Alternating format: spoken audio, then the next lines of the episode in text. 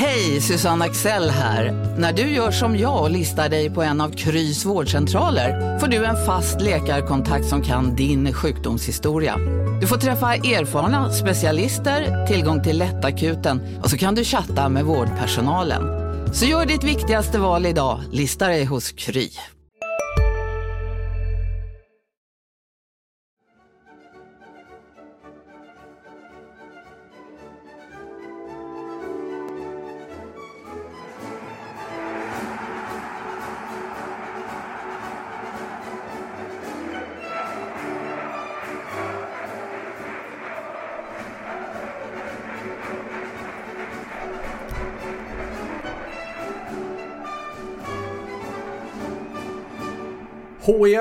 Är på träningsläger i Marbella och HIF har spelat den första av två träningsmatcher häromdagen. Det blev 1-1 mot Tromsö efter mål av Rasmus Karjalainen för HIF från HIFs sida. Vi ska prata väldigt mycket om den matchen. Vi ska gå in och titta på balansen i laget. Och det är Erik Persson som är här och jag Mattias Hjelm är här. Marian Svab kunde tyvärr inte vara med här och Sebastian Rönnström är ju nere i Marbella. Han är HDs utsände där, Erik Persson, och vi ska alldeles strax ringa upp honom. Det ska vi, det ska bli kul att höra. Vi ska även prata om eh, Anthony van den Hoek i det här eh, avsnittet. Vi ska prata om vex, veckans ex-HIF-are och lite annat eh, smått och gott. Så att, det blir, eh, det blir väl ett eh, kul avsnitt eh, det här också. Men vi får väl börja med att, att ringa Sebbe. Jag tycker ändå han är... Han är ju i händelsernas centrum. Ja, det är han. Ring upp honom du. För det är ju så. 1-1 mot Tromsö och sen så ska alltså HIF också spela mot Honka. Jag ringer honom nu. Spännande om han svarar. Tjena! Där är han! Tjena Sebastian Rönnström! Tjena Erik Persson! Hej, hej, hej eh, Sebastian! Hej, hej Mattias Hjelm! Hej! Hur har du det där nere? Jo, jag har det, jag har det bra får jag säga. Står här eh, på balkongen och blickar ut över eh, utsikten här. Det är mycket palmer och blått vatten och blå himmel och solen skiner. Så nej, man ska inte klaga. Det låter som att du har det bra. Ja, det, det kan man lugnt säga. De första dagarna var det lite, lite halvtråkigt väder med gråa moln och, eh, och lite dugregn till och med på dagen innan HIF mötte Tromsö. Men eh, nu de här två senaste dagarna har det varit riktigt kanonväder. Det man såg framför sig när man skulle åka till, till Spanien. Ja, och mycket jobb va? Ja, det blir det. det. Jag har varit på, eh, på träningen idag och samlat på mig en hel del grejer. Så, eh, det är full rulle hela tiden känns det som. Det, det är ingen semester, det, det, ska man ju knappast påstå. Du eh, skrev ju en text, eh, eller du har publicerat två texter här under dagen innan vi spelar in det här. En med Anthony van den Hurk och sen en med Dale Reese där han pratade om skadeläget och då hoppade man ju till när man läste att Willem Löper sparkade på en stolpe. Vad hände?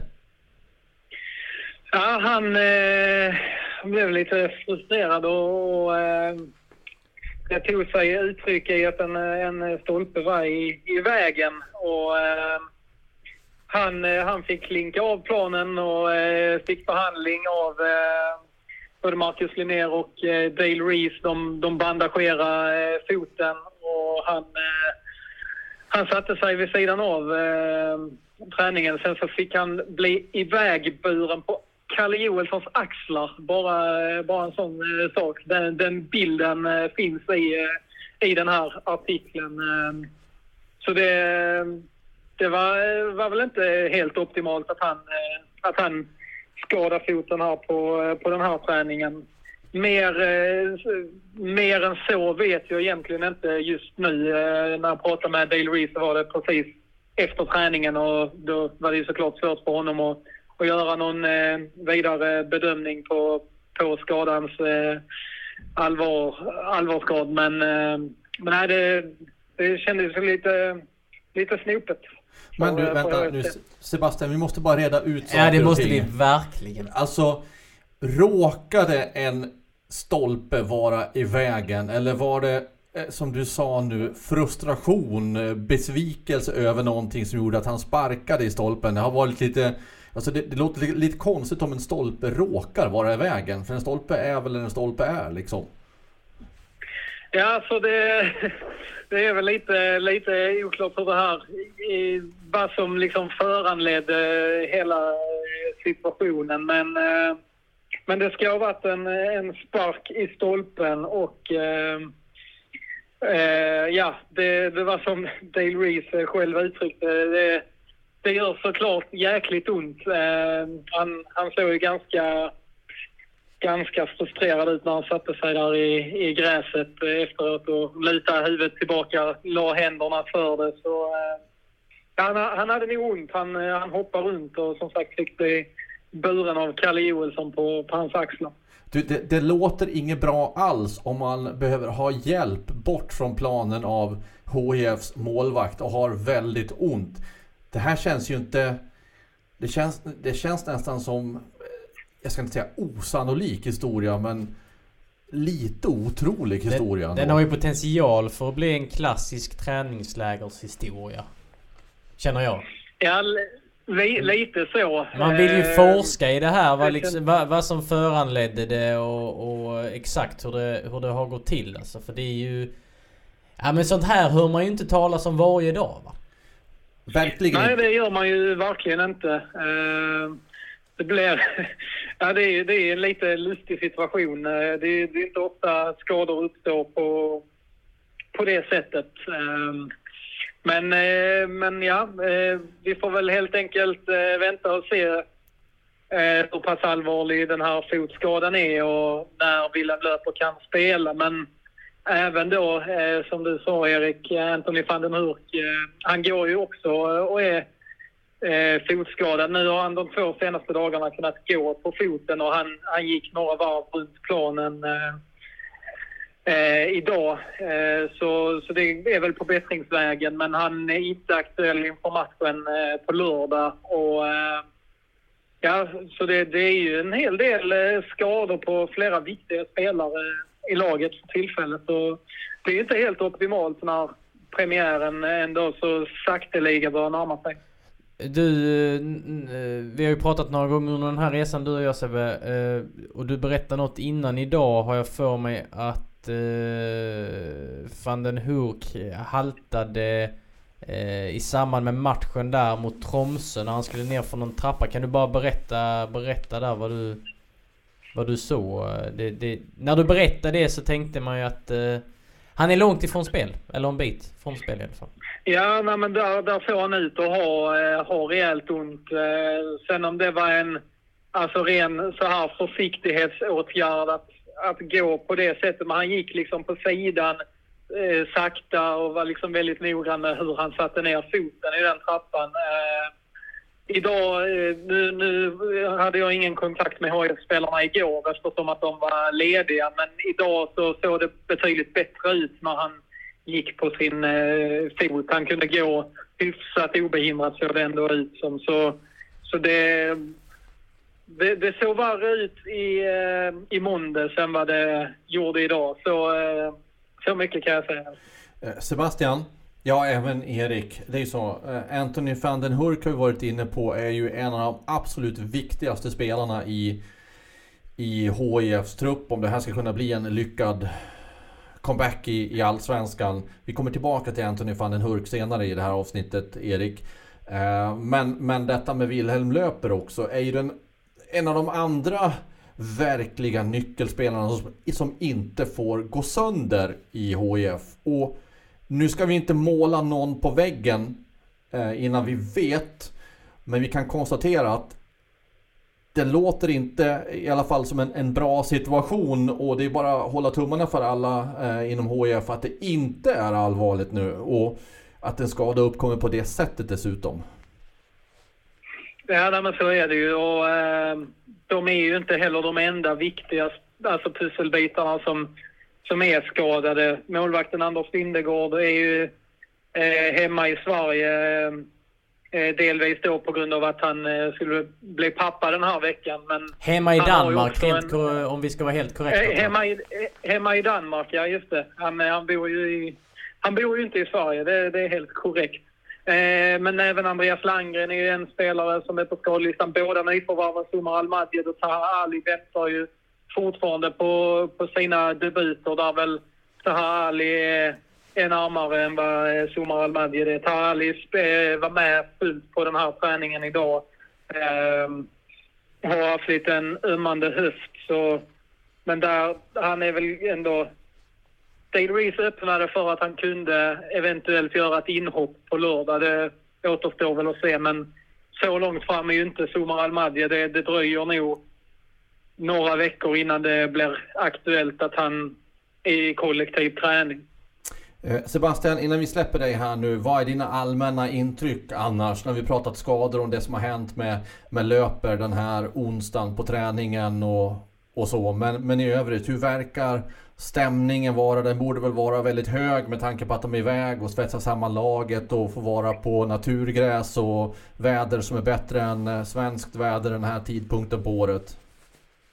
Ja, nej, men det, det tycker jag man märker att det är en eh, positiv eh, stämning och eh, smilbanden utåt. Eh, Andreas Granqvist, sportchefen, eh, skämtade, skämtade mycket och, eh, på dagens träning. Och, eh, det har varit lite gliringar eh, mot Kalle som till exempel som eh, körde vilse första dagen på eh, när de skulle till eh, träningsanläggningen. Han, han skyllde på sina kartläsare Kasper Gudell och Dennis Olsson. Men ehm, eh, det, det, så där, där är lite sådana eh, gliringar som, eh, som går runt. Eh, så nej, stämningen eh, verkar, vara, eh, verkar vara bra här. Eh, jag har inte eh, upplevt någon, eh, några eh, ja, aggressioner, om man ska säga. Det har, det har känts som att alla drar åt samma håll, så att säga. Lite aggression dock med stolpkicken från Löper. Ja, ja får man väl, får man väl säga. Men, eh, Tur han inte sparkar ner en medspelare väldigt, eh, väldigt positivt och, och utåt. Du Sebastian, eh, jag vet inte om det är ett tecken i tiden här nu. Det börjar bli lite kasttäckning på din telefon och vi har pratat en stund med dig nu. Vi tackar dig så mycket för att du var med oss här och så bara skickar vi med dig lite extra energi. Kör hårt, pumpa på. Uh, och fortsätt det stabila, starka, goda jobb du redan gjort och gör. Ja, men tack så mycket. Det, tack. Uh, jag ska uh, göra allt jag kan för att fortsätta ösa på med grejer härifrån. Håll vi, utkik. Ja, vi hörs! Hola, hola! Jaha, Erik, där fick vi det senaste från, som vi har i alla fall, från Sebastian Rönnström, vår utsände nere i Marbella, där HIF är på träningsläger. Vi behöver inte orda så mer, mer, kring intervjun här och nu, men det finns aspekter där som vi ska komma tillbaka till eh, vad det lider inom kort här i det här avsnittet av HIF-podden. Men jag skulle vilja fråga dig nu så här, vad, vad dina intryck av, var av, av matchen mot Tromsö? 1-1 eh, matchen. 1-1 matchen. Eh, det var, det var ett, eh, ett Tromsö som eh, Sen spelade väldigt vågat i uppspelsfasen och, och stundtals fick HF bett i pressen. Eh, stundtals fick de inte bett i pressen men, men eh, de steppade upp där. Det såg...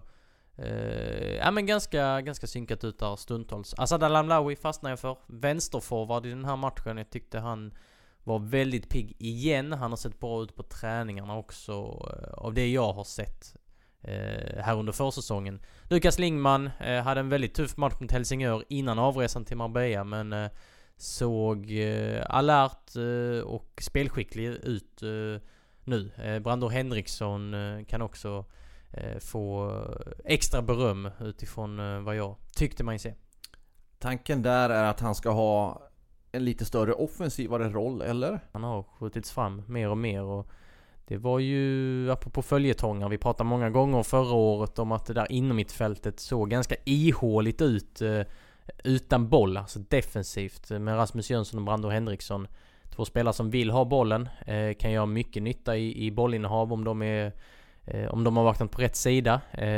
men har, har väl kanske inte de defensiva attribut som man behöver eh, när man ska agera sköld till sitt försvar exempelvis. Sådär. Eh, så att, att, eh, att man flyttar upp Brandon Henriksson nu, eh, ja men det blir väl ja, men logiskt på något sätt när man spelar på det här sättet och det är, det är sunt att, att man skjuter fram honom och att man inte satsar på Brandon Henriksson som ensam sexa. Han kanske kommer dyka upp där ändå men det finns ju andra namn i den kön som, som bör aspirera om de platserna på ett, på ett bättre sätt helt enkelt. Om det nu är så Erik att vi har några lyssnare som kanske inte sett matchen eller som inte kommer ihåg till 100% hur startelvan såg ut. Ska vi hjälpa dessa som inte har det i färskt eh, minne? Klart vi ska hjälpa dessa. Jag tycker ju också det, så är det lättare för er att hänga med eh, i vårt samtal här. Hur mm. vi resonerar kring olika lagdelar, olika spelare. Håller med. Det var ju många som saknades eh, som satt på den där läktaren. Så det gjorde att, att vi, vissa som hade fått spel till den här matchen eh, fick inte det på grund av skador eller sjukdomar. Eh, Kalle Joelsson eh, startade i alla fall i mål igen. Han spelar hela matchen. Vi stannar där, vi stannar där. Bara mm. säg någonting om Kalle Joelsson direkt. Det känns allt mer nu som att det kommer att vara eh, målvakten som står i den allsvenska premiären. Eftersom Anders Lindegård fortfarande inte varit med och spelat. Precis. Eh, Anders Lindegård eh, är inte ens med i eh, Spanien. Eh, och ehm, han sitter dessutom på, på ett avtal som går ut efter den här säsongen. Eh, han har väl kanske åldern emot sig och faktiskt en del skador mot sig också. Det har byggts upp en, en skadehistorik där som inte är, är alltför härlig. Eh, så att eh, eh, återigen, det är en månad kvar nu. Så nu, nu, nu är det aktuellt att börja prata eh, om, om hur det ska se ut på Tele2 Arena. Eh, och det känns ju verkligen som att Kalle Olsson eh, kommer stå där. Eh, Lindegard, eh, jag vet inte vad prognosen är nu. Eh, om, han, om han hinner med någon, någon träningsmatch, det kanske han gör. Men även om han gör det, är det nog inte helt givet att han står där på Tele2, Tele2 Arena. Även om han har en högsta nivå, eller en hög högsta nivå och eh, är ju en veteran och det kanske behövs i en sån, sån match. Men det, det känns ju väldigt osäkert. Och Alexander Nilsson har inte fått jättemycket speltid här under, under försäsongen. Han spelade en hel match mot Ängelholm bland annat eh, när de hade eh, tre matcher på väldigt kort tid. Men det, det är ju tydligt att Kalle Olsson står före den kön. Nils Arvidsson har, har som eh, mest fått se matcherna från bänken. Eh, i, I flera försäsongsmatcher har han inte ens varit uttagen till truppen. Jag, jag vågar nog eh, ändå tänka så pass långt att Kalle Joelsson står och det grundar ju inte på något eh, faktamässigt mer än att har eh, Jörgen Lennartsson nu konsekvent kört Kalle Joelsson på försäsongen och konsekvent kommer att göra det fram till premiären. Ja, låt säga att Lindegård kanske kommer in och får någon match. Det vet vi ju inte än. Men ändå, en så lång sammanhängande period för Kalle Joelsson som den som faktiskt vaktat målet under hela, i princip hela försäsongen. Jag, jag, jag, jag har svårt att se att Jörgen Lennartsson skulle plocka bort honom då om, om Lindegård skulle finnas tillgänglig. Det är ju... Rent spelmässigt har han spelat in sig med, med backlinjen, Kalle Joelsson då och, och dessutom också den här att ha kommit tillbaka efter alla dessa år med problem med skador han har haft. Att det finns ju en psykologisk faktor i det också. Jag, jag har svårt att se att, att Kalle inte skulle stå under några omständigheter faktiskt.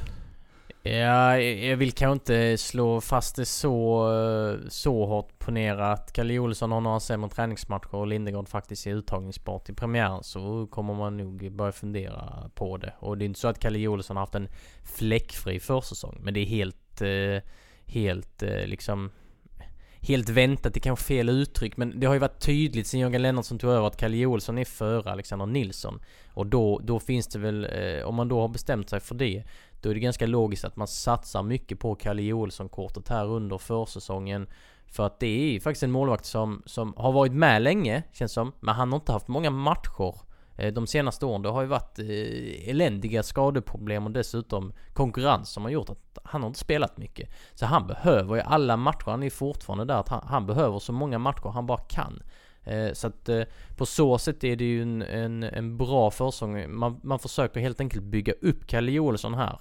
Eh, för eh, han kommer nog behövas under den allsvenska säsongen. Så får vi se om han kommer stå i, i 30 matcher eller hur det blir. Men han, han, han kommer spela allsvensk fotboll i år om han själv inte går sönder. Det, det är jag helt säker på. Sen om han tar första spaden över tid om, om Lindegård eh, i, eh, är skadefri. Det, det vet jag inte. Sen tycker jag Alexander Nilsson är en bra målvakt också. Han är intressant och mm, man vill inte kasta bort honom för det finns någonting där. Men det är en, eh, det är en speciell situation. Eh, Nils Arvidsson finns ju med där också.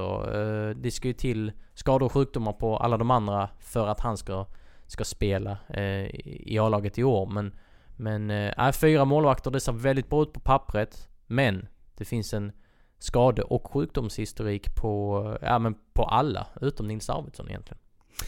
Och nu tänker ni, jaha skulle vi inte få startelvan Hjelm? Varför... Vi är fortfarande där ja! ja var, varför går du in och, och lägger en massa tid och bara på målvakten? Lugn, det kommer nu! Jag bara ville ta den punkten direkt. Alltså du kommer ju stoppa nu när jag säger nästa namn också. Högerback Viktor Lundberg. Du vill ju, du vill ju prata 10 minuter om Viktor Lundberg också. Ja, det vill man väl göra om alla spelare. Ja, ja. nej men okej, okay. högerback Viktor Lundberg, ny chans eh, som högerback. Och det har ju också delvis med att göra eh, med de skador som faktiskt HIF dras med på just den positionen. Ja, det har ju inte bara delvis utan de, de är ju de är tvungna att spela med någon annan där som egentligen inte är högerback. För Avitsuka eh, stod över den här matchen och har haft problem i flera månader från och till. Viktor Blixt, Andreas Landgren är borta. Viktor Blixt kommer inte spela allsvenska premiären. Andreas Landgren, eh, han går en kamp mot premiärklockan. Så att eh, det har vi pratat om tidigare varför, varför man testar just Viktor Lundberg där. Dock, han klev av i 65 minuten med känningar. Eh, om det var i höften, det vill jag inte... Eh, vad säger Det vill jag inte... Spekulera om? Jo, det... Det vill du spekulera Ja, jag vill inte... Oh, jag vill slå inte... Fast. Jag vill inte slå fast det för att det kan vara att jag blandar ihop Men jag tror det var höften. Skit samma. Eh, han, han, gick av i alla Han gick fall. av och fick det känningar. vet vi. Ja. Det behöver vi inte spekulera om. Han Nej, gick av. exakt. Leo Frigell Jansson som tillhör U19-truppen kom in där i, i 65 istället. Så att, eh, eh, tänk, tänk om det blir så att Leo Frigell Jansson, son till eh, HF-legendaren Ulrik Jansson, blir aktuell för en allsvensk eh, premiärtrupp. Eh, just nu känns det ju inte jättelångt borta om Ravitsuka fortsätter ha sina problem och är in och ut hela tiden. Eh, och så räcker det med en skada på Viktor Lundberg och att Andreas Landgren inte, inte vinner den där kampen mot klockan. Då, vem, vem ska man spela som högerback då? Mm. Leo Frigell Jansson? Ja men kanske, alltså Ibland kan man ju sätta ut en eh, mittback eh, som ytterback. Eh, eh, det känns ju inte... Alltså jag tror inte man sätter Charlie Weber som högerback direkt va? Nej. Ehm, så att... Men det, det, finns ju inte, det finns ju inte jättemånga alternativ när man tänker runt vilka, vilka kan gå ner där. Eh, väldigt många offensiva spelare på mittfältet och så vidare. Viktor Lundberg är ju, är ju den som har varit liksom mest, jag men så, lite, lite box till box, mest allroundkunnig och så. Så därför är det logiskt att han, att han nu får den här chansen. Men eh, det är en, eh, det är en eh, och målvaktssituationen är en intressant fråga så är högerbackspositionen också en intressant fråga. Eh, också utifrån skade, skadeproblematik. Men!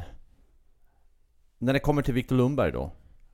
Att han har känningar, det behöver ju faktiskt inte betyda nej, något allvarligt. Nej, nej, nej. Bara så, så att vi slår fast ja, det. Ja, nej, så ni inte missförstår mig. Jag menar ju bara att det, det, är väldigt, det räcker ju med en skada eller någonting på Viktor Lundberg. Alltså, så HIF kan ju faktiskt och falla lite med, med honom. Eh, för att de har inte så många spelare att tillgå där just nu. Vilket är intressanta ord du säger, kan stå och falla med Viktor Lundberg som då hade väldigt svårt en, efter en bit in i fjolårssäsongen att faktiskt ha en ordinarie plats. Ja och då var det ju på hans eh, ordinarie positioner får jag säga för han han har ju kört runt mycket på mittfält och anfall eh, genom sin karriär men Men eh, han Innan hans korta inhopp mot Nordsjälland Den 14 februari som högerback Där hade han spelat 20 minuter ungefär i en Europa League-kvalmatch mot något estländskt gäng med BK Häcken eh, Så att... Eh, I hela sin karriär? Ja, som högerback. Inför Nordsjälland-inhoppet hade han inte ens tränat som högerback med HIF. Sen har han ju slussats in mer där för att eh, som sagt, behovet finns. Någon måste täcka upp där. Huvudfrågan. Hur skötte han sig? Hur klarade han sig? Uh, Den här gången? Ja, eh, det var väl inte så att jag uh, ville liksom peka i någon riktning där egentligen. Det, det kändes väl... Uh, Men lite, lite, ja. lite, lite tvekande svar här. Det låter som en tvåa i betyg? Ja, jag, jag, jag avskyr betyg. Men ja, om jag måste sätta ett betyg så en tvåa. Jag vill, jag vill varken bu eller bä. godkänd helt enkelt? Ja. Ja. Okej. Okay. Då går vi, går vi vidare från högerbackspositionen in mot mitten. Och det, det är en lång startare, det tar en evig tid att presentera den i alla fall. Ja, Okej, okay, ta resten av backlinjen. Alltså, tänk om det ta tar... tre, tre namn på, på raken här alltså, direkt. Tar det så här lång tid när Jörgen Lennartsson presenterar startelvan? Om du är Lindström så liksom Lindström avbryter hela tiden. Det, det är en lång matchgenomgång. Jag är hemskt ledsen att du inte får ta hela startelvan på en gång. Men nu i en klump, tre spelare till i backlinjen. Och den här klumpen spelar hela matchen. Ali Sulic, Charlie Weberg, Viljomur Davidsen. Får jag fortsätta uppåt i ja. mittfältsledet? Eh, Adam Kajed. Eh, till höger. På mittfältet där ja. Eh, ja, nu kan man inte säga till höger som spelar tre. Ja men, ja, ja. ja men precis. Nej, men, men höger i den trean då? Uh, ja, om jag inte missminner mig helt. Nu blir jag faktiskt osäker när, när du... Jo, men jag tror att... Jo, jo så var det. Uh, vi har skrivit det i alla fall. Uh, sen har ju inte vi alltid rätt va? Nej. uh, 70, han gick ut i 71 minuten. Lukas Lingman uh, spelar i den rollen han spelat i under hela försäsongen som, som sexa, så sittande mittfältare. Brandor Henriksson klev ut i 89 minuten. Och så ett mitt, eller vad säger jag? Forwards, en forwardslinje från höger med Willem Löper som klev av i 78 minuten. Rasmus Kajlainen ut i 82. Och så Asad Al-Hamlawi som vi har berömt i några poddar eh, här. Eh, och som vi även berömmer idag. Eh, klev av i 71 minuten. Vill du ha dem som kom in också så, så får vi det överstökat. Ja. Eh, på bänken satt Nils Arvidsson målvakt, han kom inte in. Leo Frigel Jansson kom in i 65 som vi har sagt istället för Viktor Lundberg. Eh, Arvin Gigovic kom in i 89 minuten istället för Brandor Henriksson. Benjamin Aqua i 71 istället för Kayed. Eh, Rasmus Jönsson kom också in i 71 som vänsterforward istället för Asad Alhamlawi. I 78 löper ut Josef Amoako, eh, lånet från Grana, eh, kom in. I minut 82 Vilgot Karlsson in och ut med Rasmus Kajalainen. Kasper Videll och Emil Hellman satt kvar på bänken. Precis som Nils Arvidsson. Okej, ett par frågor till dig. Hur skötte ja. sig Charlie Weberg, mittbacken, ihop med Ali Suljic? Uh, ja, men... För det är ju en liten kamp där som det ser ut om uh, mellan honom då och kanske och Kasper Videll. Ja men precis. Läget. Uh, Charlie Weberg blir ju bortgjord där uh, vid 1-1 målet av eh, Syn Jones, om man uttalar det rätt. Eh, om jag googlade rätt så tillhör han inte Tromsö.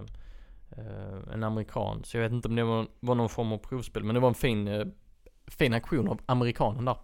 Men eh, mycket riktigt, eh, det är en kamp. Mellan Charlie Weberg och Kasper Videll. Och just nu känns det väldigt mycket 50-50 om du frågar mig. Jag ser Ali Sulic som etta i, i i eh, mittlås, eh, i mittlåset. Och sen så blir det Charlie Weberg eller eh, Kasper Videll. Speciellt eftersom det inte finns då så många högerbackar. Så är Ravitsuka frisk så bör han väl placeras som högerback helt enkelt. 50-50 säger du. Om vi skulle fråga Jörgen Lennartsson, Lennartsson vad skulle han säga? Ja, han, eh, han hade ju inte sagt någonting on the record. Jag tror inte han hade sagt något off the record heller. Helt ärligt, jag tror inte han vet än. Jag tror inte han har sett tillräckligt. En fortsatt kamp där. Eh, några andra noteringar från min sida. Okej, okay, Anthony van den Hurk, inte med, skadad. Vilket öppnade för Rasmus Karjalainen. Rasmus Karjalainen, målskytt. Han ska ju vara en målskytt. Uh, ja, jag lät lite förvånad, men du förstår ju varför jag lät förvånad. Med tanke på hans fjolårssäsong. Ja. Uh, en uh, glidtacklingsbrytning från Brandor Henriksson. Tromsö var ju ganska uh, våghalsiga i sin uppspelsfas. Tog en del risker. Brandor Henriksson läste situationen, glidtacklade Fram till eh, Rasmus Kajalainen som eh, lobbade vackert över eh, Tromsös målvakt som var, var långt ute. Eh, så att eh, bra, eh, bra speluppfattning av Brando Henriksson och Rasmus Kajalainen och en fin känslig högerfot från finländaren. Och vi brukar ju puffa för varandra. Jag puffar för Sebastian Rönnströms reportage med Rasmus Karjalainen nerifrån Marbella. Ett mycket välskrivet reportage och intressant historia kring Karjalainen. Så har du inte läst det så har du en godbit att se fram emot på hd.se. Nästa eh, aspekt i detta. Eh, vi kommer tillbaka till Anthony van den Hurk för det är ju ett, ett ämne i sig nästan varje vecka i HIF-podden. Men du nämnde Asad Al-Hamlawi och det har Sebastian Rönnström också gjort. Eh, Fortsätter att visa att han inte ska bli en spelare som placeras på läktaren under Allsvenskan. Nej men precis, du har ju inte glömt att jag... Eh... Vi är specialister på det vi gör, precis som du. Därför försäkrar vi på Swedea bara småföretag, som ditt. För oss är små företag alltid större än stora och vår företagsförsäkring anpassar sig helt efter firmans förutsättningar. Gå in på swedea.se företag och jämför själv. Hej, Synoptik här. Hos oss får du hjälp med att ta hand om din ögonhälsa. Med vår synundersökning kan vi upptäcka både synförändringar och tecken på vanliga ögonsjukdomar. Boka tid på synoptik.se. Jag nämnde det för ett par avsnitt sedan att den risken finns ju faktiskt. Eh, Och eh, de som har lyssnat på mig vet ju att jag eh, tycker om Asad Al-Amlawi. Det finns ju någonting där. Eh, så att det är inte så att jag eh, tycker att han ska placeras på en läktare. Men det är en, det är en svår ekvation om man kollar på balansen i truppen. Men nu gör han ju allt vad han kan för att inte bli eh, placerad där. Och för att till och med eh, kännas riktigt aktuell för att få speltid i en allsvensk premiär. Och fördel att han går, kan gå överallt där framme eh, i forwardslinjen. Både till höger, i mitten och till vänster. Jag vet att när vi pratade om Asad Hamlawi för någon vecka sedan så eh, var ju en, en grej där att ah, han konkurrerar främst till höger tror jag vi pratade om, eller upp, eller... Ja, Då hade han ju inte spelat Nej. eh, till vänster. nej. Nej, och, och, och Ja, han har ju spelat nu. där lite så i, i AFF eh, som sagt, men inte i HIF. Han har inte spelat eh, till vänster förrän då nu mot Tromsö. Så nu är han med och konkurrerar där också. Ja, det borde vi kanske ha förutsett för det är inte så att man trillade av stolen att, att han placerades där och det, det är väl också kan, om man nu ska försöka tolka lite grejer så, så, så väljer väl jag att tolka det som att man vill spela in honom. Man, man, han är så pass het så att, att man vill testa honom där också och se om det funkar. Jag tycker, jag tycker han eh, han har sett bra ut på några träningar också. Eh, klart eh, blandar och ger lite Eh, Det får man väl köpa. Men han behöver en hel försäsong. Han har ju också haft enorma skadeproblem. Eh, Så att eh, får han en hel försäsong här eh, Eh, så kan han nog eh, vara i riktigt fint trim om en månad. Eh, han, som sagt, jag, jag har hajat till på några träningar att det är inte alla, alla fotbollsträningar som man ser där man, där man hajar till liksom. Det, det känns lite monotont ibland och det är samma sak. Men jag tycker han har stuckit ut lite. Nu har ju jag satt strålkastarljuset på några spelare här när vi har gått igenom startelvan. Ja, vi fick ju med inhopparna också. Är det någon annan som du skulle vilja belysa lite extra här nu? Jag vill bara säga, för vi har ju pratat om Asad Alamlawi ganska ehm, djuplodat i tidigare avsnitt. Vi ska inte fortsätta med det så att vi tjatar ut oss men fick ett, eh, eller vi fick väl ett läsarmail eh, i dagarna som var väldigt eh, Väldigt givande och som påpekar att ni, ja, men ni nämnde ju inte hans eh, huvudspel. Just det! Och det är ju väldigt märkligt att vi inte, jag tycker ju, det var ju nästan tjänstefel av oss att vi inte nämnde det när vi pratade om eh, styrkor och svagheter och vem Asad Al-Amlawi egentligen är. Det var ju en stor anledning till att han, till att han spelade också och startade mot, eh, mot Halmstad i kvalet. Eh, och att, att man kunde dra upp bollar på honom. Han är väldigt, han är väldigt bra i luftrummet helt enkelt. Jag vet när, när han hade debuterat i Allsvenskan och jag pratade med Roa Hansen som, som tränar Ängelholm och som har haft Asad Al-Amlawi i Ängelholm. Eh, och han jämförde med Kenneth Andersson och det var ju en tokhyllning. Googla Asad Al-Amlawi, Roa Hansen, Kenneth Andersson så får ni säkert upp den artikeln. Då, då, då minns jag att Roa Hansen sa att eh, han hade suttit och, och räknat eh, Al-Amlawis nickdueller och då hade han vunnit alla utom en tror jag. Den blev oavgjord enligt Roa Hansens bedömning och det var mot Kalle Johansson som ju är, är en av Allsvenskans eh, absolut skickligaste huvudspelare. Och med det mejlet så kommer vi aldrig mer att tappa bort den styrkan hos Asad Al-Hamlawi. Det är bra att våra lyssnare är, är på tårna, det uppskattar vi när, när vi uppenbarligen själva inte är det hela tiden. För det, det skulle vi såklart ha, ha nämnt. Men uh, nu är det sagt i alla fall. Uh, han, är, han är bra i luftrummet också så det får man, uh, det får man ta, ta, ta, in i ekvationen när man spekulerar kring om, om denna ungtupp kan vara aktuell för speltid i Allsvenska premiären exempelvis. Vill du säga någonting mer specifikt om någon spelare från den matchen mot Tromsö? Nej, fortsätt du. Då fortsätter jag, för att eh, du har eh, satt upp en punkt här som lyder balansen i truppen. Du vill prata lite grann om det, Erik? Ja, men, nej, men jag... Ehm, jag, ehm, jag har ingen diskmaskin hemma. Jag står och diskar ibland. Eh, och då tänker jag ofta på, eh, på fotboll. Vad kommer nu? vad kommer nu? Hur blir övergången? Den är jag ju nyfiken på. Då tänker jag ofta på fotboll. Simulera matcher. Till skillnad från alla andra händelser i ditt liv när du inte tänker på fotboll. Ja, nu behöver vi inte gå in på det och rikta strålkastarna mot just mig, men, men eh, när jag stod och diskade häromdagen så, så simulerade jag den allsvenska premiären igen, vilket jag har gjort ett antal gånger de, de senaste veckorna, för det är ju, det är ju roligt det ändras ju lite så från vecka till vecka såklart, för nya förutsättningar och så vidare. Men eh, jag fattar inte, du simulerar den allsvenska premiären? Ja men du vet, eh, ser bilder i huvudet, eh, tar ut en startelva, pratar till och med högt ibland och liksom presenterar startelvan och vilka är på bänken och jag kan ju fundera en kvart på om Benjamin Acko eller Rasmus Jönsson ska ta den sista platsen i truppen och så. Eh, och sen när målen kommer så försöker jag fantisera om hur de ser ut och vilken minut och när bytena görs och slutresultat såklart. Säg ganska... att du skojar! Nej, helt, eh, helt sant. Men då, då blir det ju, för då, då eh, liksom tar jag ju på mig eh, Jörgen Lennartssons tränarkostym. För jag tar ju ut laget eh, när jag simulerar de här matcherna. Eh, jag tar ut en bänk.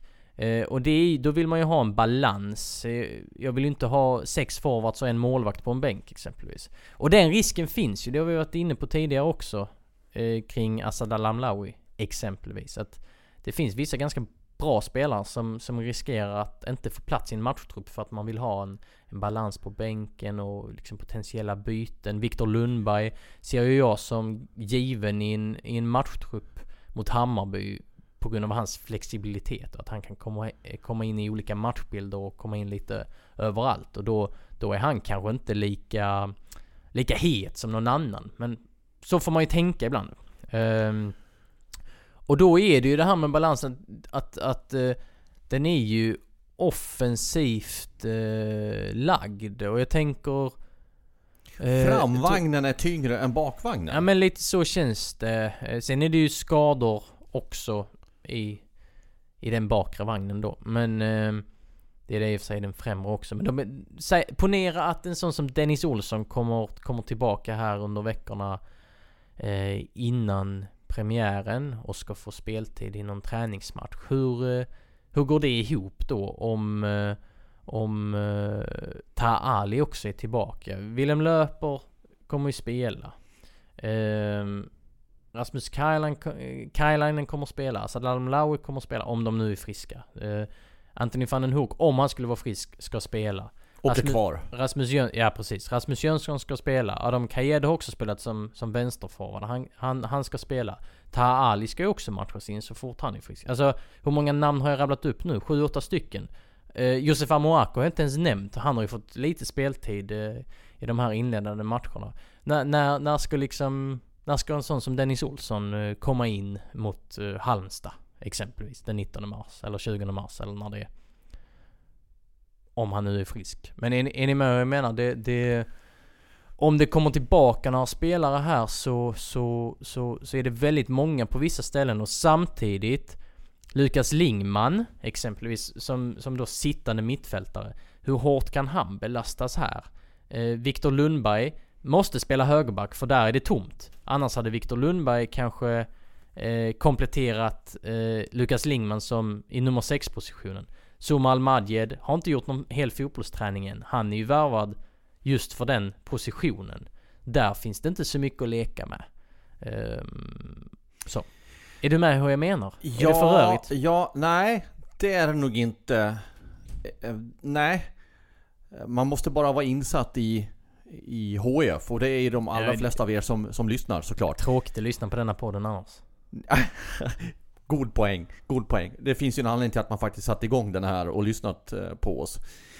Men eh, utifrån nuvarande skick då i truppen med de spelare som är skadade så blir det alltså så om, om det skulle vara en premiär idag så skulle bänken de som spelare som han har på bänken vara väldigt offensivt balanserad. Nej, så menar jag nödvändigtvis inte. Jag menar lite om, om, om vissa spelare kommer tillbaka också. Att det kan, alltså som nu bänken här senast.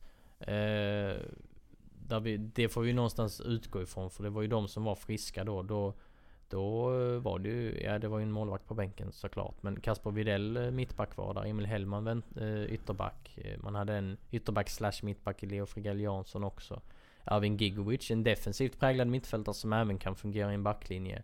Eh, perfekt att ha på en bänk, men han känns ju inte jätteaktuellt från matchtrupp mot Hammarby. Benjamin Aqua offensivt lagd, Vilgot Karlsson hyfsat offensiv, Rasmus Jönsson, Josef Am- Amoako. Där var ju en... En balanserad bänk. Ja men det var ju en balanserad bänk, så det är inte, det är inte den här bänken jag utgår ifrån.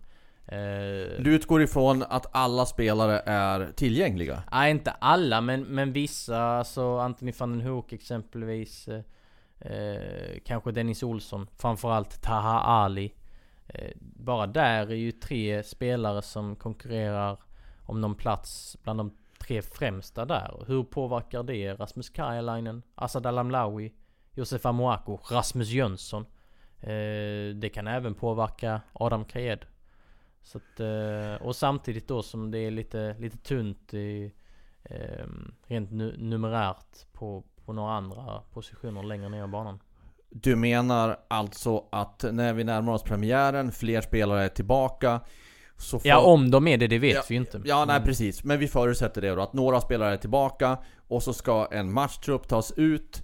Så kommer det vara ett par spelare som helt enkelt hamnar vid sidan om. Inte för att de är, inte, inte håller, utan därför att balansen måste upprätthållas på bänken. Eh, ja. Det är poängen. Ja, det, det, nu låter det kanske lite luddigt. Det är såklart i min hjärna. Jag vet inte om jag får ut det. Men, men det är... Det är... ehm, bara... Alltså man har ju 28 spelare i truppen, vilket det är några för mycket, tycker jag. Det kan ju förändras i och för sig. Det, ja, och det är li- lite det att det är kanske vissa spelare som, som behöver se om sitt eget hus. Eh, eh, kanske inte än, men kanske till sommaren. Eh, för, att, eh, för att det kan bli svårt att trycka sig in här. Och det är framförallt där, där framme där det är väldigt, väldigt många spelare. Jag skulle ju inte vara journalist om jag inte ställde då följdfrågor till detta. Och det kanske, det kanske blir väl offensivt att göra det mot dig, men, men eh, är det någon slags feltänk i detta när man har satt ihop truppen? Oh, offensiv fråga. Ja, Eh, ja men... ska eh, man dra det så långt? Eller? Ja, det, det kanske är för offensivt. Ska vi mildra lite grann? Skulle man ha skulle man när man satte upp truppen försökt ha en liten annan balans? Det var ju väldigt försiktigt. Ja, eh, men om man ska försöka, jag, jag, jag ser väl den här truppen som ofärdig. Och det låter kanske konstigt att säga när man, ja men HIF har 28 spelare. Jo, men den är, den är, den är inte, den är inte helt klar. Den, den är inte där den ska vara i en, i en optimal värld, för de är lite för många. Eh, alla de här 28 spelarna kan omöjligt ingå i framtidsplanerna. Och då dessutom Vilgot Karlsson har fått mycket speltid under försäsongen som tillhör U19. Han har inget A-kontrakt. Leo Frigell Jansson spelar nu också. Arvin Gigovic kom in i slutet men det, det är tre juniorer här som följt med till Marbella som en effekt av eh, skadeläget. Så att vi pratar ju om att de har haft, eh, alltså ska man addera, addera de här spelarna också juniorerna, ja då, då är det ju över 30 spelare som är, som är med i någon sorts eh, ekvation. Det är fler juniorer som har, som har spelat under försäsongen också, vilket alltid sker under en försäsong. Men, men, men eh, de här juniorerna ligger ju ganska långt framme. Vilgot Karlsson har ju varit något av ett utropstecken under försäsongen. Så att, eh, ehm, eh, vad finns det för möjligheter för honom att komma in eh, eh och få ett A-kontrakt och så vidare när man redan har 28 kontrakterade? För mig då, som då är ganska lite av cyniker och rätt mycket av romantiker, så låter det som ganska ljuva ord ändå att HIF har valt att prioritera offensiven och offensivt lagda spelare. Man är nykomling i, i Allsvenskan, men man vågar ändå ta det här steget. Det låter ganska långt från cynism, vilket jag uppskattar. Men jag är å andra sidan inte någon expert på fotboll. Nej det är inte jag heller. Så... Kan vi säga så här för att din kunskap överstiger min eh, ganska Nej, rejält när det gäller fotboll. Det är Men bara skillnaden är att skitsamma. jag simulerar matcher när jag diskar. Jag är dum i huvudet. Jag. Skitsamma, min poäng är att någonstans uppskattar jag när offensiv fotboll prioriteras och får utrymme.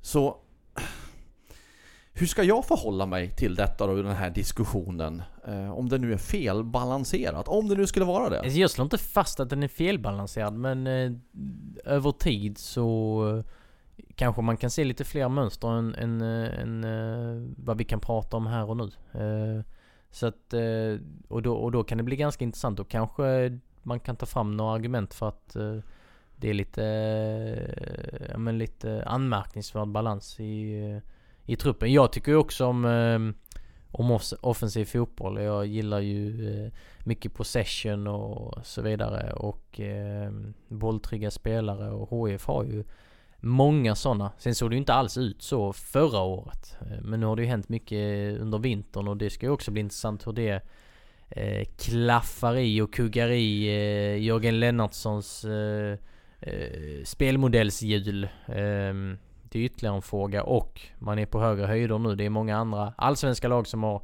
har en inkörd modell eh, eh där, där en hel del handlar om att ha mycket boll. HF kommer inte ha 60-70% i bollinnehav eh, hela tiden. Det har vi pratat om tidigare också. Och då, då eh, blir det ju relevant att kika på potentiella defensiva skönhetsfläckar och där, eh, där kan man ju hitta, hitta lite orosmoln och man kan också med enkelhet hävda att där är det inte lika eh, välbeställt som i de offensiva leden. Vet du vad? Jag tror att det här är ett ämne vi kommer att få anledning att återkomma till på ett eller annat sätt. Det kommer vi. Nu är den här frågan väckt med balansen. Jag ska försöka putta in den i mitt minne, ta upp den vid jämna mellanrum för att någonstans se hur förhåller det sig nu om eh, det fanns något fog för den här, det här orosmolnet eller om det är så att det blev full träff. Ett sista exempel innan vi lämnar den här diskussionen. Eh, ponera att alla offensiva spelare, eller alla spelare är friska i truppen. Ja, Ingen är såld, utan de som tillhör truppen här och nu. De. Willem Löper kommer ju spela till höger då. Anthony van den Hurk eh, i mitten. Och eh, rimligtvis Taha Ali till vänster. Vad har vi då kvar för eh, spelare som blandar sig i den leken om att spela där längst framme? Då har vi, håller du räkningen nu? Assad, Ja, ja, ja. Assad Alamlawi, ja. Rasmus Kajalainen, Två, Dennis Olsson, tre, Rasmus Jönsson, fyra, Josef Amoako, fem, Viktor Lundberg eh, faktiskt också ju. sex. Eh, sa jag Adam Kajed? Eh, nej, det tror jag Nej, inte. han har spelat till vänster där. Sju, Eh, Benjamin Aqua skulle också kunna fungera som en ytterforward. åtta. Ja. Man kan säga att det är, i så fall är en Det är ju en elva där. Det är en elva, åtta, åtta stycken utanför de tre där framme. Så det är, det är elva, elva spelare som, som på ett eller annat sätt skulle kunna blanda sig i eh, den leken. Det brukar sägas att det är bra med konkurrens. Ja. Det är det där. Jättebra. Jättebra. Nej men det är, det är klart att det är bra med konkurrens. Detta är ju en, någon form av delikat fråga och eh, jätteintressant för det- det är väldigt många intressanta spelare och det är några potentiella genombrottsmän här och så. så att, eh, men, men för att slå igenom behöver man ju speltid och man behöver absolut inte sitta på läktaren i alla fall. Det blir Och- svårt. Ja, okej. Nu släpper vi balansen. Anthony van den Hurk, nya rykten. Ja, vi var inne på det här eh, tidigare i hif podden Inte den här veckan, men nu gör, är vi där igen. För ja, ja, vad är det senaste? Efter eh, Anthony van den Hooks äh, eh, agents äh, eh, utspel för någon vecka sedan om att det fanns intresse från bland andra AIK. AIK som nu sägs äh, ha gjort klart med John Guidetti, så det kan vi väl någonstans avskriva. Agenten pratade också om intresse från, från diverse olika länder, bland annat lettiska Riga faktiskt. Eh, nu så har det kommit nya uppgifter om att japanska Urawa Red Diamonds är ute efter HFs eh, skyttekung. Ehm, det har fotbolldirekt.se eh, skrivit om och de eh, hävdar att det finns ett bud som, som sätter HIF i ett riskabelt läge, skriver de. Och så tillägger de också att Anthony van den Hoek väntas ta beslut nu inom kort. Eh, det känns ju som att det är, eller det är ju HIFs beslut. Ska de acceptera budet eller inte? Om det nu finns ett bud, för Sebastian Rönnström har pratat med både Anthony van den Hurk och Andreas Granqvist. Andreas Granqvist hävdar att det inte finns något bud eh, på bordet. På, inte på någon av HIFs spelare. Och Anthony van den Hurk eh, säger att chansen att han stannar i HIF är väldigt stor. Eh, men vi får se. Eh, nu är det en månad kvar till, eh, till den allsvenska premiären den 2 april. Samma dag stänger det japanska transferfönstret. Kan det bli en affär? Bara timmar innan den allsvenska premiären? Ja, det, det eh, kommer fortsätta snackas om Anthony van den Hoek. Eh, den saken är klar. Förra veckan lanserade vi två nya punkter. Vida världen som Sebastian Rönnström håller i när han tar ett grepp om eh, olika nationaliteter som representerat eller representerar HIF. Det gick ju sådär. Det blev ju ingen eh, stående programpunkt. Jag har hört att vi har stru- strukit den från eh, schemat idag. Ja, idag har vi gjort det. Såvida inte du ska ringa upp Sebastian Rönnström igen. Och det ska du inte, utan det tar vi bara en paus på den punkten helt enkelt. Och återkommer till den när Sebastian Rönnström är tillbaka. Ja, när han själv inte är ute i vida världen. Ja, exakt då- när han är här i poddstudion Mm. menar jag. Men däremot den andra punkten så ska du få prata om en eh, före detta HIF-are igen. Och vem har du valt nu? Nu har jag valt Jonathan Olsson i Eskilsminne. Förra veckan valde ju Andreas Linde i eh, Bundesliga-laget Greuther Fürth. Eh, nu så riktar vi blickarna mot division 2 och här och nu Svenska Kuppen för att Eskilsminne har ju blivit något av ett kupplag på senare år. Eh, slagit ut, skrällt eh, mot HIF två gånger om och tagit sig in i cupgruppspel och även eh, hunnit med en skalp, skalp mot eh, Norrby för ett par år sedan. Eh, och eh, Eskils minne har nu spelat två cupmatcher, 0-0 mot Örebro, 0-4 mot AIK som en Som- match som du bevakade. Ja, precis. Ehm, och eh, Jonathan Olsson, varför är han då intressant? Ja, han har ju en bakgrund i HIF och tillhörde det där laget som åkte ur Allsvenskan eh, 2016. Han eh, fick dessutom speltid i kvalmatcherna och ehm, spelade Spelade tre allsvenska matcher det året varav, varav två från start. Och 2017 så spelade han också tre seriematcher i Superettan. Två från start. Eh, dessutom eh, några cupmatcher för HIF. Eh, han plockades ju in till HIF Akademi när det fanns. Eh, som spelade i division 2. Eh, de plockade in honom till HIFs organisation från, eh, från Rå då. Där han hade spelat flera säsonger i division 3.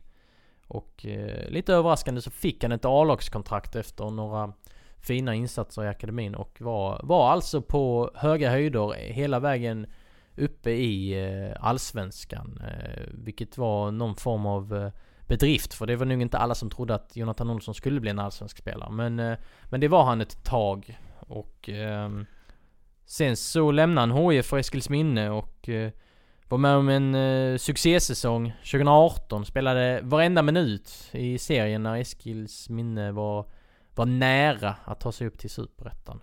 Sen så eh, 2020, efter ytterligare en säsong i Eskilsminne så vände han tillbaka till Rå och spelade division 3 i eh, två säsonger och eh, jag och många andra tänkte väl att den här satsningen är över men nu så känns det som att, att han har öppnat den där dörren på glänt för nu är han tillbaka i Eskilsminne som ju siktar på att gå upp till ettan. Han blev klar nu för några veckor sedan. Mittback eh, som eh, nog kommer bli ganska viktig för Eskilsminne i år. Men eh, när du nämner Jonathan Olsson, det bara ringer någon klocka. Hade inte han till och med eh, efter att ha spelat i Allsvenskan och sen då gått vidare La han inte av till och med under en period? Eller blandade jag ihop det med någon annan spelare? Ehm, jag vet inte, du, du, kan, du kanske tänkte så när han gick till Rå? Nå, nej, jag, nej, då blandade jag ihop det. Jag hade för mig att han la ner sin fotbollskarriär. Men eh, nej, det gjorde han ju uppenbarligen inte. Ja, eh, du kanske har mer eh, info än vad Nej, jag har? nej, det, nej, som sagt, jag försöker plocka fram saker ur mitt minne. Nej, men då, då släpper vi det. Han har Ja, inte- för i, i december 2019 så återvände han till Rå så att, eh, och han spelar ju två säsonger i Eskilsminne där så att, eh, nej. Det är i sådana fall under råtiden om man har tagit någon liten, liten, liten ja, det var det jag funderade på. Mm. Ja, nej. Eh, Det är i alla fall... vi ska absolut eh, inte säga att han har lagt av om han inte har gjort det. Nej, och han är ju de facto tillbaka i Eskilsminne nu. ehm, Och bildar mittbackspar. Eller ja, de spelar på ett helt annat sätt. Man eh, spelar med Viktor Wahlgren som också har ett förflutet i HF Akademi eh, faktiskt. Det finns ju många eh, ex-HF-are i Eskilsminne och idag så riktade vi blickarna mot denna mittback. Innan vi släpper Jonathan Olsson, vad, vad skulle du säga är hans karaktärsdrag som spelare? Karaktärsdrag som spelare. Ehm, ja men han, eh, han fick mycket beröm av Ingelsten under matchen. Uh, Patrik Ingelsten, tränare i Eskilsminne, när han bröt igenom med några, några passningar i uppspelsfasen. När han skar igenom linjer och så. Eh, sen, eh, ja men en, eh, han ska ju vara en följsam, eh, hyfsad, uh, hyfsad eh, snabb. eh, bra duellspelare. eh, Ska han vara i alla fall. Eh, och han var ju väldigt stabil i Eskilsminne när han spelade i, i division 1. Det var inte lika stabilt när han var uppe på de allsvenska höjderna. Där hade han lite svårare. Men det hade ju hela, hela HIF. Men han... eh, eh, Om man, om man ska prata om någon form av referenssäsong så skulle jag nog ändå plocka fram 2018. När han var, när han var bra i Eskilsminne. Eh, ålder på honom? Är Född 93. Född 93, då är han alltså... 29. Ja, så det är inte aktuellt att han kommer att klättra upp mot eh, högsta nivåerna igen i Sverige med andra ord. Det, det tror jag inte. Det är såna, han får klättra upp i seriesystemet med Eskilsminne i sådana fall. Sen har jag svårt att se att det blir mer än så. Minns jag rätt då att, att, han, att han faktiskt hade långt hår för några år sedan? Det hade han. Åh oh, skönt, då hade Ja. jag ett rätt i alla fall. Men Och det, det- har han inte längre. Det har han inte längre. Nej. Ah, skönt. Bra, nu kan vi släppa Jonathan Olsson. Tack för den eh, historiken Erik. Och vi börjar närma oss slutet i veckans avsnitt av HIF-podden. Jag bara undrar en sak till dig Erik. Mm. Eh, längtar du efter att gå hem och diska igen? Det är alltid mysigt. Jag kanske tar ut en eh, ny startelva ikväll. Är det bara med HIF du gör så, eller gör du med alla lag? Nej, alltså, all, jag gör inte det med alla lag. Men jag gör det med några, några olika lag. eh, Eller bara HIF? Det är väldigt mycket för mig i och för sig göra Ja, det nej, med, men jag, med jag gör det absolut med fler lag. eh, Fick lite feeling häromdagen när jag hade bevakat eh, Ängelholms FF i cupen exempelvis. Så då tog jag ut någon startelva där till deras nästa cupmatch. Och kan till och med göra det med Sirius som jag tycker spelar väldigt eh, eh, publikfriande fotboll och så vidare. Så att, eh, ja, de lagen jag är lite intresserad av helt enkelt. Och så undrar jag bara, brukar du spela in dig själv när du pratar högt? Nej, det skulle vara min, eh, min flickvän kanske gör det. Men jag försöker göra detta när hon inte är hemma bara för eh, Det är ett lite märkligt beteende av mig, det, det, det inser jag ju. Men eh, är, är hon hemma så försöker jag vara tyst.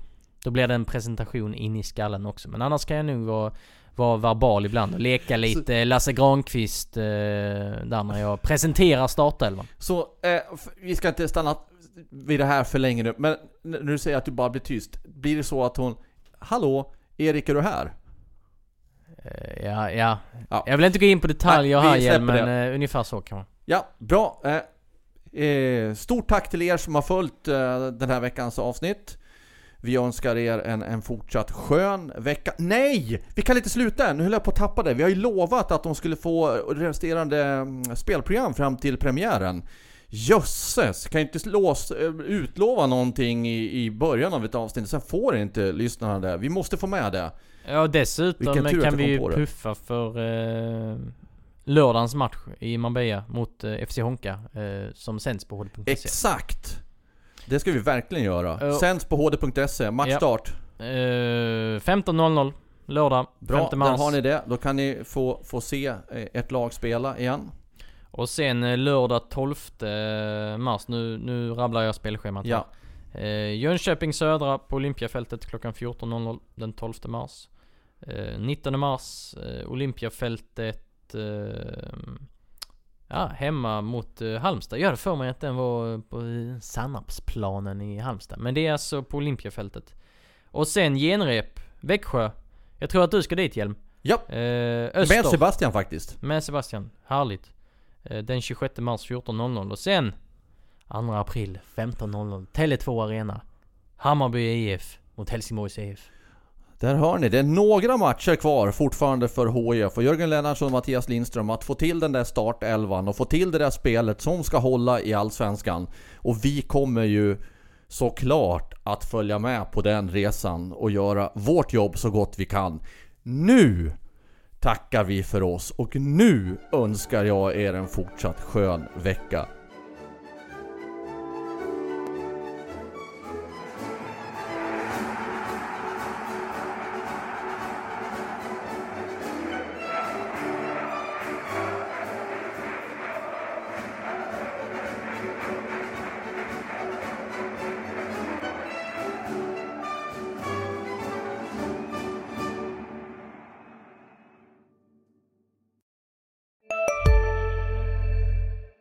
Redo för sportlovets bästa deal? Ta med familjen och njut av en Big Mac, McFeast eller Cooper Cheese och Company plus en valfri Happy Meal för bara 100 kronor. Happy Sportlovs deal, bara på McDonalds. Ni är med om det största. Och det största är den minsta. Ni minns de första ögonblicken. Och den där blicken gör er starkare. Så starka att ni är ömtåliga. Men hittar trygghet i Sveriges populäraste barnförsäkring. Trygg Hansa. Trygghet för livet.